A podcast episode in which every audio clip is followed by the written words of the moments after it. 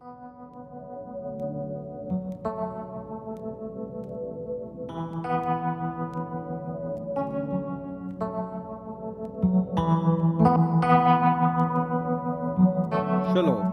וברוכים הבאים לפודקאסט על מרקס. אני יפתח גולדמן. פרק 18, רפובליקה שמימית.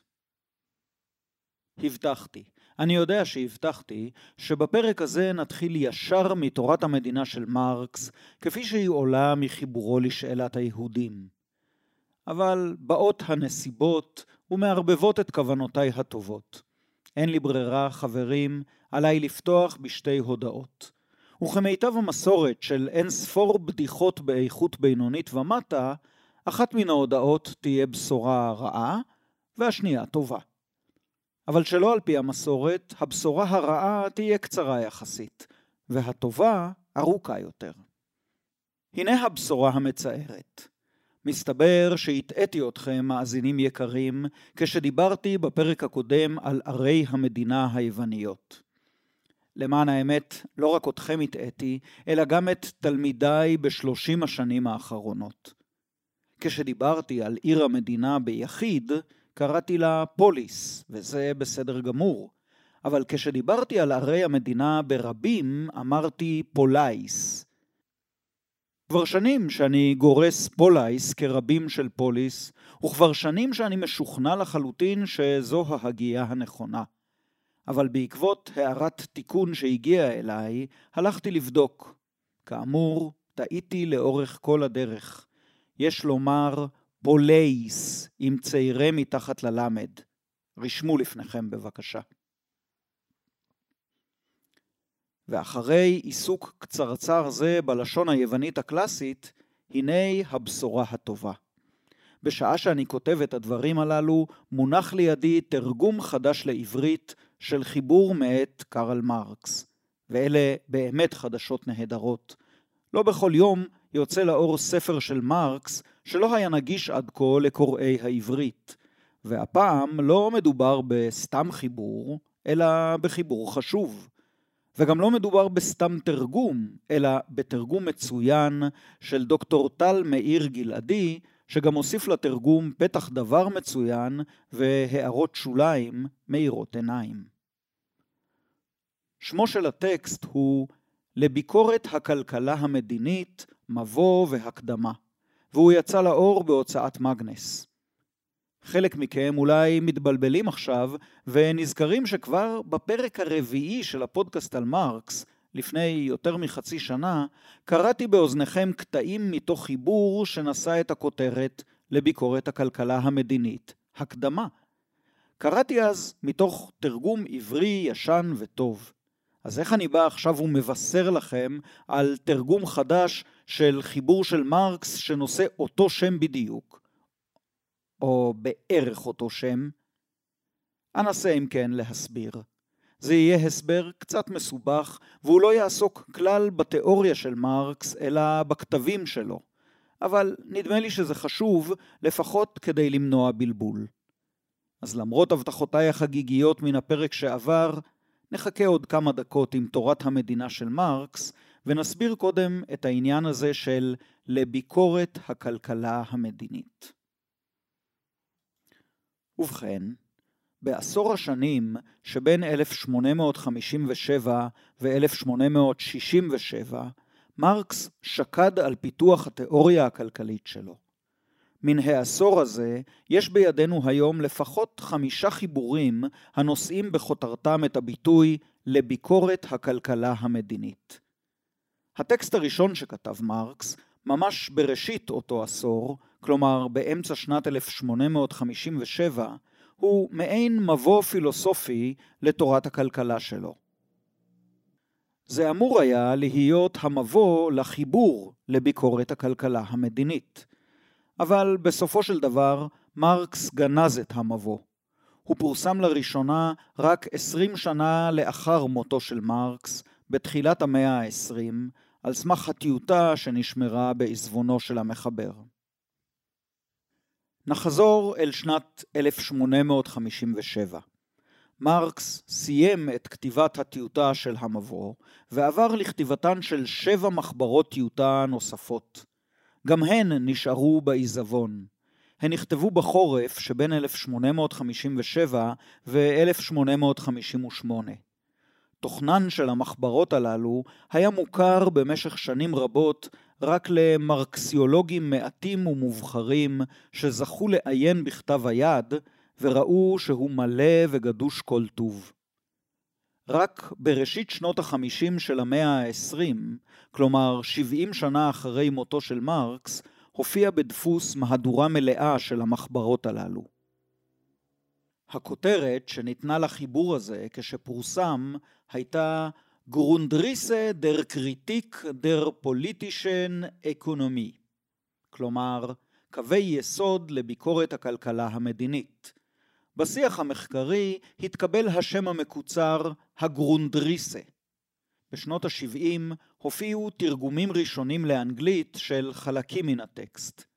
הגרונדריסה נשאר עד היום חיבור יחסית לא מוכר של מרקס, מסתורי ומרתק. הוא כתוב כטקסט שלא נועד לפרסום, בחופשיות רבה ולפעמים גם באופן אסוציאטיבי.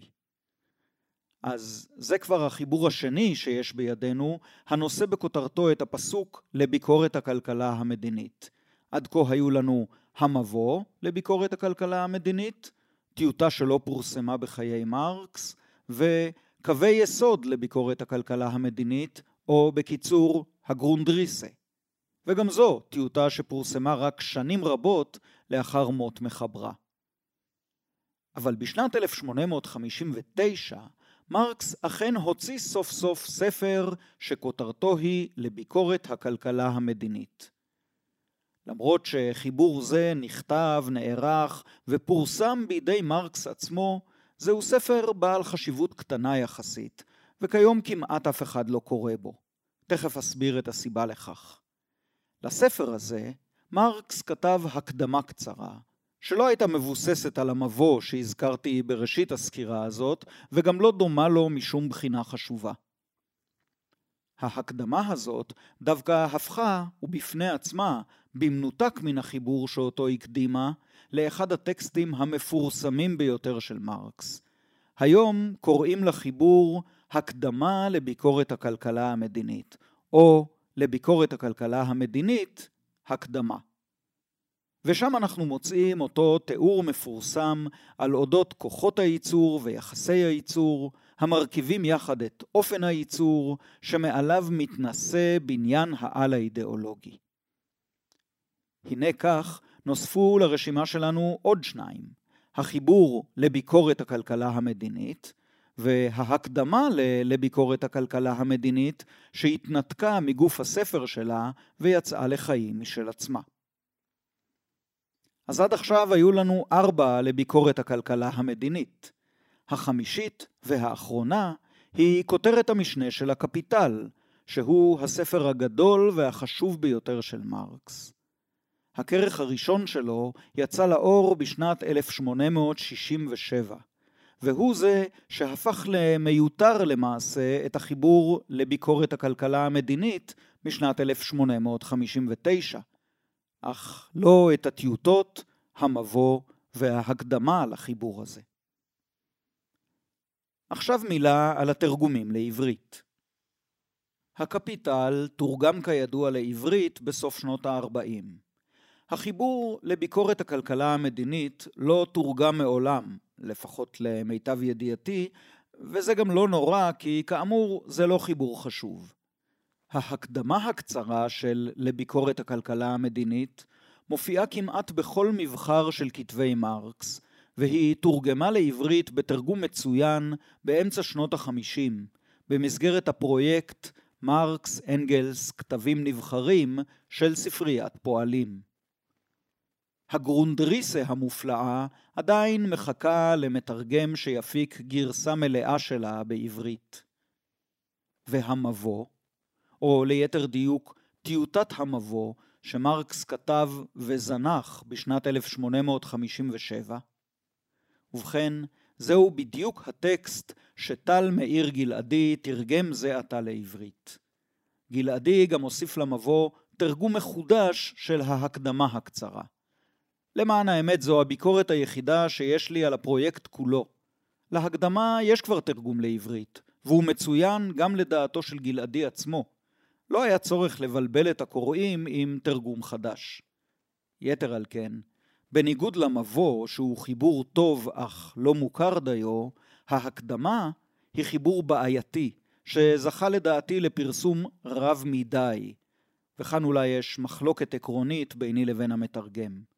הפסקאות הקצרות של ההקדמה הולידו הרבה אי-הבנות וטעויות ממש אצל קוראי מרקס, פרשניו, ממשיכי דרכו ומתנגדיו. זהו. אלה היו 800 מילים על תרגום חדש ומעולה של טקסט חשוב של מרקס. ועכשיו, סוף סוף, אנחנו ניגשים לנושא שהוא נושאו של הפרק הנוכחי של הפודקאסט על מרקס, תורת המדינה של מרקס. אם חשבתם שהפרק הזה היה מסובך עד עכשיו, אז תחזיקו חזק, כי עכשיו מתחיל החלק הקשה באמת. אני קורא מתוך לשאלת היהודים במהדורה החדשה של כתבים מוקדמים כרך א', בעריכת אורי זילברשייד ובתרגום אורי זילברשייד ורועי בר, הוצאת רסלינג, שנת 2016. אם אתה לא נוהג עכשיו, או מנקה את הבית, ואם הספר נמצא בספרייה שלך, כדאי לכם לפתוח ולהאזין לי אגב קריאת הטקסט. הוא כלל לא פשוט. אני קורא בעמוד 297. המדינה הפוליטית שהגיעה לגמר התפתחותה היא במהותה חיי הסוג של האדם בניגוד לחייו החומריים. סוף ציטוט. הביטוי המוקשה חיי הסוג דורש את תשומת ליבנו. במקור כתוב שם גטונגסלבן דס מנשן. שלמה אבינרי, בתרגום הישן שלו לאותו טקסט, תרגם חיי האדם בתור יצור בן מינו. באמת שאינני יודע איזה תרגום מוצלח יותר, חיי הסוג של האדם או חיי האדם בתור יצור בן מינו. אבל אני מזכיר לכם שכבר פגשנו פעם את הביטוי הזה, או ביטוי דומה לו, כאשר עסקנו בהיבט השלישי של העבודה המנוכרת, בפרק השמיני של הפודקאסט על מרקס. אמרתי שהעבודה המנוכרת מנכרת את האדם מחייו בתור יצור בן מינו, או בגרמנית גטונגסווסן. וכעת אנחנו פוגשים את הגטונגסלבן שזילברשייד ובר בחרו לתרגם כחיי הסוג. זה מושג מאוד טעון ומאוד מאוד פילוסופי, ולא משנה באיזה תרגום נבחר, הוא מתפרש בכמה וכמה אופנים, שחלק מהם עלולים אפילו להיראות כסותרים זה את זה. ולמען האמת, בסופם של הרבה הסברים, אאלץ להודות בפניכם שתמיד חשבתי שזה מושג לא מוצלח, וככל הנראה אף פעם לא הבנתי אותו עד תום. לכן, אשתמש עכשיו בפרק השמונה עשר של הפודקאסט על מרקס באותה טקטיקה שאחזתי בה בפרק השמיני. אם זה עבד שם, אולי זה יעבוד גם עכשיו. ואם זה לא עבד שם, ובכן, זה מה יש. כל מורה צריך להיתקל לפעמים במגבלות יכולתו. אז אומר בקיצור נמרץ שאת הביטוי חיי הסוג של האדם, או חיי האדם כיצור בן מינו, נבין כאן כחיים התואמים או מבטאים את המהות האנושית. ועכשיו, כמו שעושים במתמטיקה, נציב את הביטוי החדש שקיבלנו במקום הביטוי שאיתו יצאנו לדרך, ונקבל את הפסוק הבא. המדינה הפוליטית שהגיעה לגמר התפתחותה, היא במהותה חיי האדם בהתאם למהותו האנושית, בניגוד לחייו החומריים. המילה החשובה ביותר במשפט היא המילה בניגוד. מרקס גם מדגיש אותה בטקסט, ואני ממשיך וקורא. כל ההנחות המוקדמות של חיים אנוכיים אלה, כלומר החיים החומריים של האדם, ממשיכות להתקיים בחברה האזרחית. במקום שבו הגיעה המדינה הפוליטית לשלמותה האמיתית, מנהל האדם חיים כפולים, שמימיים וארציים, לא רק במחשבה, בתודעה, אלא במציאות, בחיים עצמם. חיים בקהילייה פוליטית, שבה הוא תקף בעיני עצמו כישות חברותית, וחיים בחברה אזרחית שבה הוא פעיל כאיש פרטי, רואה את האנשים האחרים כאמצעים, ומוריד את עצמו לדרגת אמצעי ולכדור משחק בידיהם של כוחות זרים. סוף ציטוט. אגב, הכלל הקבוע של הפודקאסט על מרקס תקף גם בפרק זה כבכל שאר הפרקים. אני מרשה לעצמי תיקונים זעירים בטקסט, ולפעמים גם השמטות קלות, כדי להקל עליכם ועליי את המלאכה. אולי שמתם לב שבדבריו של מרקס, שזה עתה קראתי, הופיעו שני היצורים החברתיים שעליהם דיברתי בפרק הקודם, המדינה הפוליטית והחברה האזרחית. את שני אלה קיבל מרקס מן הפילוסוף הגל. לפי הגל, החברה האזרחית היא מין מדינה חלקית, ראשונית ומוגבלת. זוהי מדינת הצרכים והשכל. כלומר, מדינה שבה האנשים פועלים בהתאם לאינטרסים הפרטיים האגואיסטיים שלהם, ובעיקרו של דבר בהתאם לצורכיהם החומריים.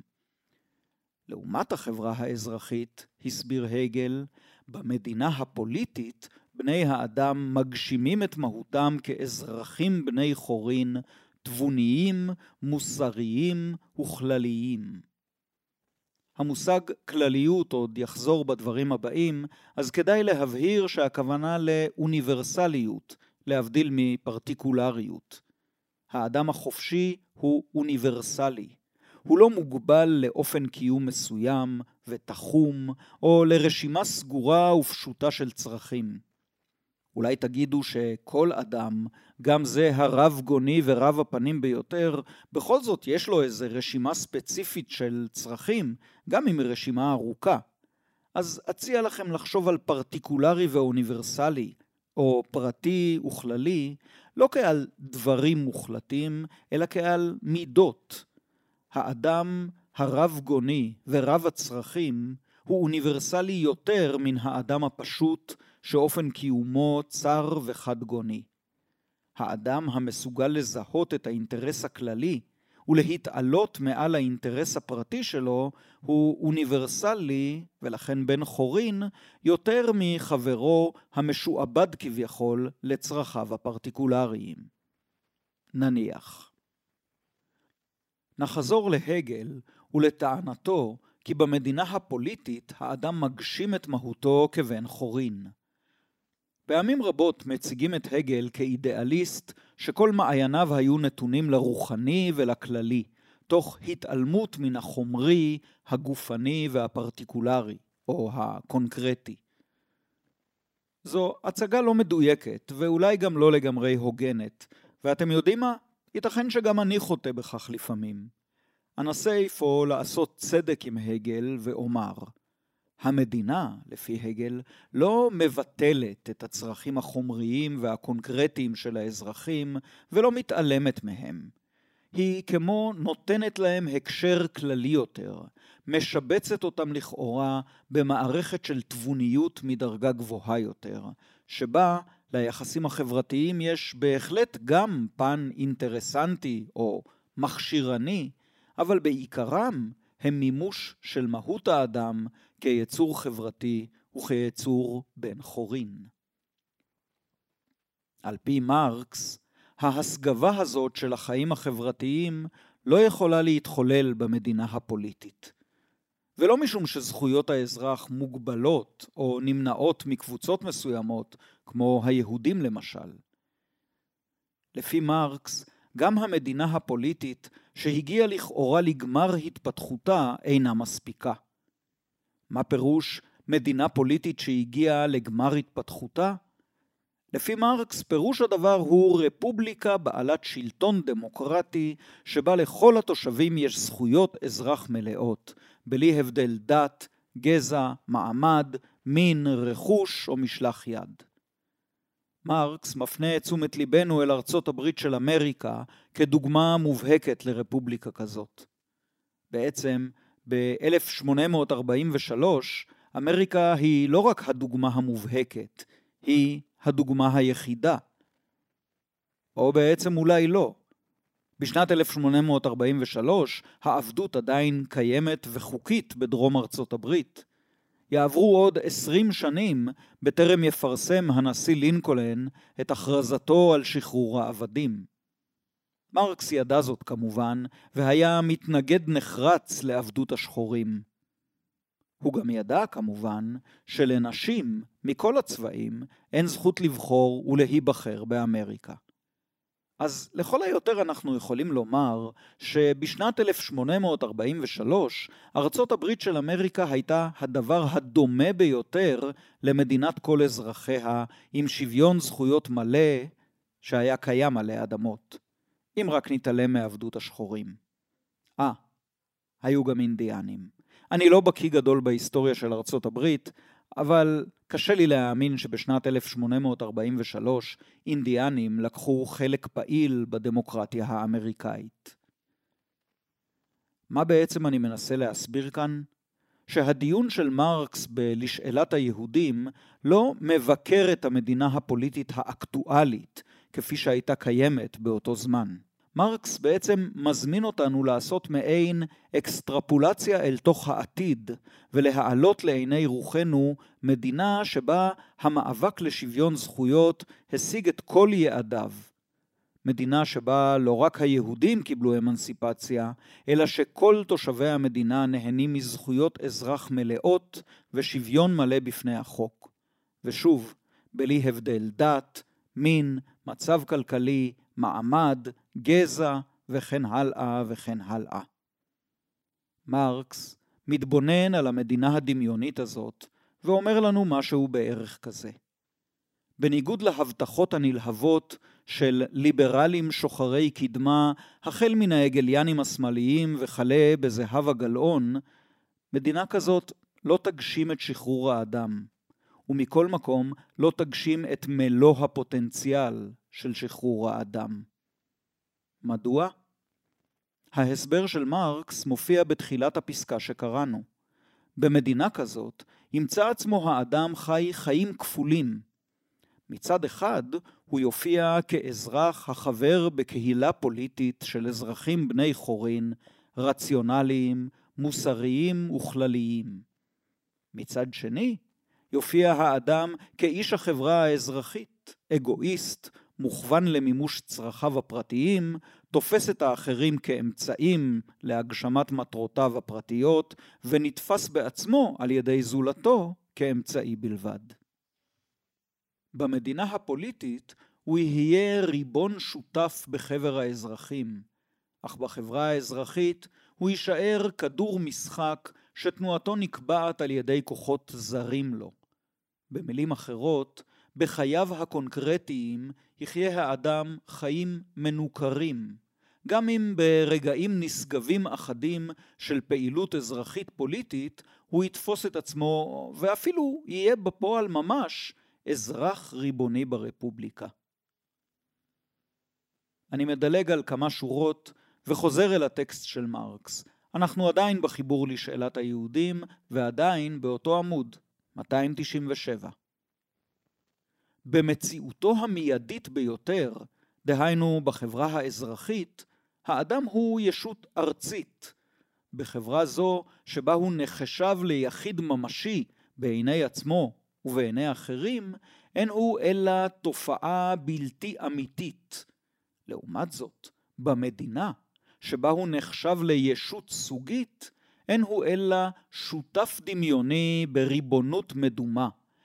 אין הוא אלא אדם שחייו האינדיבידואליים הממשיים נגזלו ממנו והוענקה לו כלליות בלתי ממשית. סוף ציטוט. כמה עמודים אחר כך, מרקס חוזר לעניין זה ומסכם אותו כך: האדם, כפי שהוא קיים כחבר החברה האזרחית, נתפס כאדם עצמו, כאדם, בנבדל מן האזרח, מפני שהוא האדם בקיומו החושי והאינדיבידואלי המיידי, בעוד האדם הפוליטי הוא רק האדם המופשט, האדם המלאכותי, האדם כאישיות אלגורית, כאישיות מוסרית. האדם הממשי זוכה בראש ובראשונה להכרה בדמות היחיד האנוכי, בעוד האדם האמיתי זוכה בראש ובראשונה להכרה בדמות אזרח המדינה המופשט. סוף ציטוט. מיהו ומהו האדם? האדם הממשי והאמיתי. זה שעליו אנחנו מדברים כשאנחנו אומרים אדם. בואו נחשוב לרגע. אתם יודעים מה? בואו ניקח מקרה פשוט יותר מאדם. בואו נדבר על חתול. יש לי בבית ארבע חתולות, אז אני מחשיב עצמי למומחה גדול בנושא. לכן אני מרשה לעצמי לקבוע בלי חשש שחתול הוא דבר פשוט יותר מאדם. ובכן, מהו החתול? האם אלה אותן ארבע חתולות ממשיות, קונקרטיות, שמתרוצצות אצלי בבית? בעצם רק שלוש מהן מתרוצצות. הרביעית אה, זקנה ורצוצה מכדי להתרוצץ. פעם, לפני שנים, היא הייתה גורה נמרצת שחיה בדרום תל אביב, בטיפולו המסור של סוציאליסט יקר שקרא לה רוזה. אני משער שאתם מבינים על שם איזו רוזה. אבל היום היא חתולה זקנה, שמנה וחסרת שיניים, וכבר שנים רבות שאף אחד לא קורא לה רוזה. מאז שהגיעה לביתי שונה שמה לסמדי. רוצים לשמוע עוד על החתולות שלי? לא. אתם רוצים לשמוע על פילוסופיה מרקסיסטית. זה תמוה בעיניי, אבל אני זורם. אז הנה שוב השאלה, מהו חתול? האם אלה החתולות הקונקרטיות שאצלי בבית, יחד עם עוד המוני חתולים קונקרטיים בעולם כולו? או שמא החתול, החתול בה"א הידיעה, הוא היצור המגשים בהווייתו את המהות החתולית. לצורך הדיון, נניח לרגע שאנחנו יודעים מהי המהות החתולית. נראה שהתשובה המתבקשת היא גם וגם. חתול הוא כמובן יצור הקיים באופן ממשי. הוא לא ציור של חתול וגם לא חלום על חתול. אבל חתול הוא גם לא כלב, או חרגול, או מכונת אספרסו, משום שהוא חתול, כלומר שהוא מקיים בהווייתו הקונקרטית, כחתול קונקרטי, את המהות החתולית שעושה את החתול לחתול. בניגוד אליי, פילוסופים לא מרבים לדבר על חתולים. הם מעדיפים לדבר על בני אדם, וכך גם מרקס. בקטע שקראנו הוא מראה לנו שבמקרה של האדם, ובמקרה של המדינה הפוליטית שהגיעה לגמר תהליך התפתחותה, מתחולל פיצול בין המהות לממשות, או בין האמיתיות לממשות. החתול הממשי הוא גם החתול המהותי, אבל האדם הממשי אינו האדם המהותי. האדם הממשי, האינדיבידואלי, הקונקרטי, האדם שעליו אנחנו חושבים ב-90% מן הזמן, כשאנחנו חושבים על עצמנו או על זולתנו, האדם הזה חי בחברה האזרחית כיחיד אנוכי ונבדל. ולעומתו, אזרח המדינה מגשים את המהות האנושית. הוא האדם האמיתי, שכן הוא מגשים חירות, ריבונות, חברתיות, רציונליות, כלליות. אבל הוא מגשים את המהות הזאת רק באופן מופשט, או רק בכמה רגעים נדירים שבהם הוא חורג מתוך עצמו כביכול, מתוך העצמיות המיידית שלו, וחושב ופועל כאזרח הרפובליקה הנאור. והפיצול הזה בין הקונקרטי למופשט ובין הממשי למהותי הוא לב הבעיה. הפיצול הזה הוא עדות לקיום המנוכר של בני האדם, או אולי הוא הניכור עצמו. וכאן מחזיר אותנו מרקס אל המושג אמנסיפציה, ואל משמעותו המדויקת.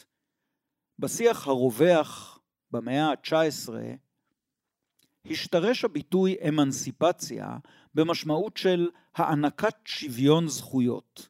כלומר, מתן אמנסיפציה ליהודים פירושו הענקת שוויון זכויות ליהודים. נדמה לי שכך מלמדים זאת עד היום בבתי הספר במסגרת השיעורים בהיסטוריה של עם ישראל. אני מקווה שעדיין מלמדים היסטוריה של עם ישראל, או היסטוריה בכלל, בבתי הספר. ובכן, אמנסיפציה זה לא בדיוק שוויון זכויות. זוכרים את בוב מרלי שר Emancipate yourself from mental slavery, none but we ourselves can free our mind? רק עכשיו, במסגרת הכנת הפרק הזה, למדתי שבוב לא המציא את הפסוק הזה. המקור שייך לפעיל הזכויות הג'מייקני מרקוס גרווי, שפעל במחצית הראשונה של המאה ה-20. דברים שלומדים אגב הכנת פודקאסט. ובכן, כשבוב מרלי שר Emancipate yourself from mental slavery, הוא לא התכוון הענק לעצמך שוויון זכויות מפני העבדות המנטלית, או משהו מעין זה. הוא התכוון שחרר עצמך מן העבדות המנטלית. המשמעות המקורית והמדויקת של המילה אמנסיפציה היא שחרור. וכך, אומר מרקס, בשורות הסיום של החלק הראשון של חיבורו לשאלת היהודים. אגב, מה שאשמיע לכם עכשיו הוא תרכובת של שני התרגומים הקיימים בעברית, זה של אבינרי וזה של זילברשייד ובר. פשוט בחרתי את הנוסחים המוצלחים יותר בכל אחד מן התרגומים. ובכן, אני קורא. כל אמנסיפציה היא העמדתו של העולם האנושי, של היחסים האנושיים, על האדם עצמו. האמנסיפציה הפוליטית היא צמצום והעמדה של האדם על חבר החברה האזרחית האנוכי והבלתי תלוי מחד גיסא, ועל אזרח המדינה, האישיות המוסרית, מאידך גיסא. רק כאשר ישוב היחיד האנושי הממשי וייטול לתוכו את אזרח המדינה המופשט, וכיחיד יהיה לישות סוגית בחייו האמפיריים, בעבודתו האינדיבידואלית, ביחסיו האינדיבידואליים. רק כאשר יכיר האדם בכוחות העצמיים שלו ככוחות חברתיים ויארגנם ככאלה, ועל כן לא יפריד עוד את הכוח החברתי מעצמו בצורת כוח פוליטי, אז, רק אז, תוגשם האמנסיפציה האנושית במלואה. וואו. אנסה להסביר. ראשית, שימו לב שמרקס מבחין כאן בין שני סוגים של אמנסיפציה, או בעצם שתי דרגות של אמנסיפציה, או אולי שני שלבים של אמנסיפציה. אמנסיפציה פוליטית ואמנסיפציה אנושית, או אמנסיפציה אנושית מלאה. האמנסיפציה הפוליטית יכולה לשחרר את האדם מן ההגבלות על החירויות הפוליטיות שלו ומן האפליה שבשלילת זכויות פוליטיות על רקע דתי, מגדרי, מעמדי וכן הלאה. אבל היא לא יכולה לעשות מעבר לכך. ומסתבר שעל פי מרקס יש, או לפחות אמור להיות, משהו מעבר לכך. כדי להתחיל להבין זאת, בואו נחזור לרגע אחד אל הפילוסופיה הפוליטית שלפני מרקס. אנחנו זוכרים שהפילוסוף הגל חשב שהמדינה הפוליטית היא התגשמות האידאה של חירות האדם. מדינה זו מכילה בתוכה, כרכיב חלקי שלה, גם את ההכרה בצרכים החומריים הגסים והפרטיקולריים של האדם. בעצם היא מעניקה לצרכים הפרטיים הללו תוקף של כלליות. אגב, משהו לא מאוד שונה אנחנו מוצאים כבר באמנה החברתית של רוסו 80 שנה לפני הגל. רוסו מסביר בספרו שבעת כריתתה של האמנה החברתית כל פרט מוסר לידי ההנהלה העליונה של הרצון הכללי את כל מה שברשותו כאדם פרטי. אבל אז החברה המאורגנת על יסוד אמנה חברתית של אזרחים שווים וחופשיים, מחזירה לכל אדם פרטי את כל מה שהיה ברשותו קודם לכן, כך שבצד החירות האזרחית, האדם מקבל בעלות על כל אשר היה ברשותו קודם לכן, אבל כעת הבעלות הזאת מקבלת תוקף כללי, אישור מטעם הרצון הכללי, האזרחי, המוסרי והתבוני של חבר האזרחים. ובכן, מרקס מסביר לנו שההוקוס פוקוס הזה הוא בלתי אפשרי, או אולי הוא אפשרי, אבל הוא לא הגשמה מלאה של חירות האדם, משום שבחייו הקונקרטיים, האינדיבידואליים, ימשיך האדם, גם האדם שזכה לאמנסיפציה פוליטית והיה לאזרח שווה זכויות, להתקיים במציאות של ניכור ושל שעבוד לנסיבות חיים מקריות יותר או פחות. הוא ימשיך להתייחס אל בני אדם אחרים כאל אמצעים להגשמת מטרותיו הפרטיות, וחבריו לחברה יתייחסו אליו בדיוק באותו אופן. ספירת הקיום הפוליטי של האדם תרחף מעל לחייו הקונקרטיים כמו איזו רפובליקה שמימית. אזרח המדינה זוכה לבוא בשעריה של הרפובליקה השמימית הזאת בכמה רגעים חגיגיים בימי חייו. אך הוא מושלך מתוכה שוב ושוב אל עולם החולין הארצי והמנוכר, שבו נגזר עליו להעביר את עיקר חייו. וכאן עלינו להיזכר שוב בתפיסתו המטריאליסטית של מרקס. אני מזכיר שדיברנו על כך הרבה בפרקים השני, השלישי והרביעי של הפודקאסט על מרקס, ובעצם גם בפרקים השביעי והשמיני. אמרתי בפרקים הללו שמרקס הציג את המטריאליזם שלו הצגה שלמה, ברורה ושיטתית בחיבורו האידיאולוגיה הגרמנית, שנכתב, אך לא פורסם, בשנת 1846. אבל רעיונות גדולים לא מופיעים במחשבתו של אדם כהרף עין, ובוודאי שאינם מופיעים כהרף עין כשהם שלמים, מפותחים ומוגמרים. עבור מרקס, חמש השנים שבין 1843 ל-1848 היו שנים מכריעות שבמהלכן עיצב וגיבש כמה מן העקרונות החשובים ביותר של תורתו.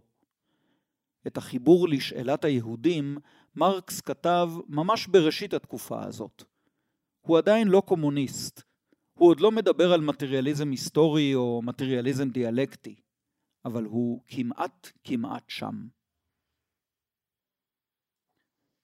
לכן, לדעתו, המדינה הפוליטית לא יכולה להסגיב את חיי האדם, ובה בעת גם להכיר בצרכיו הקונקרטיים, ולהקנות תוקף חוקי מוסרי לאופנים האגואיסטיים והמנוכרים שבהם הוא חי ופועל כדי לספק את צרכיו.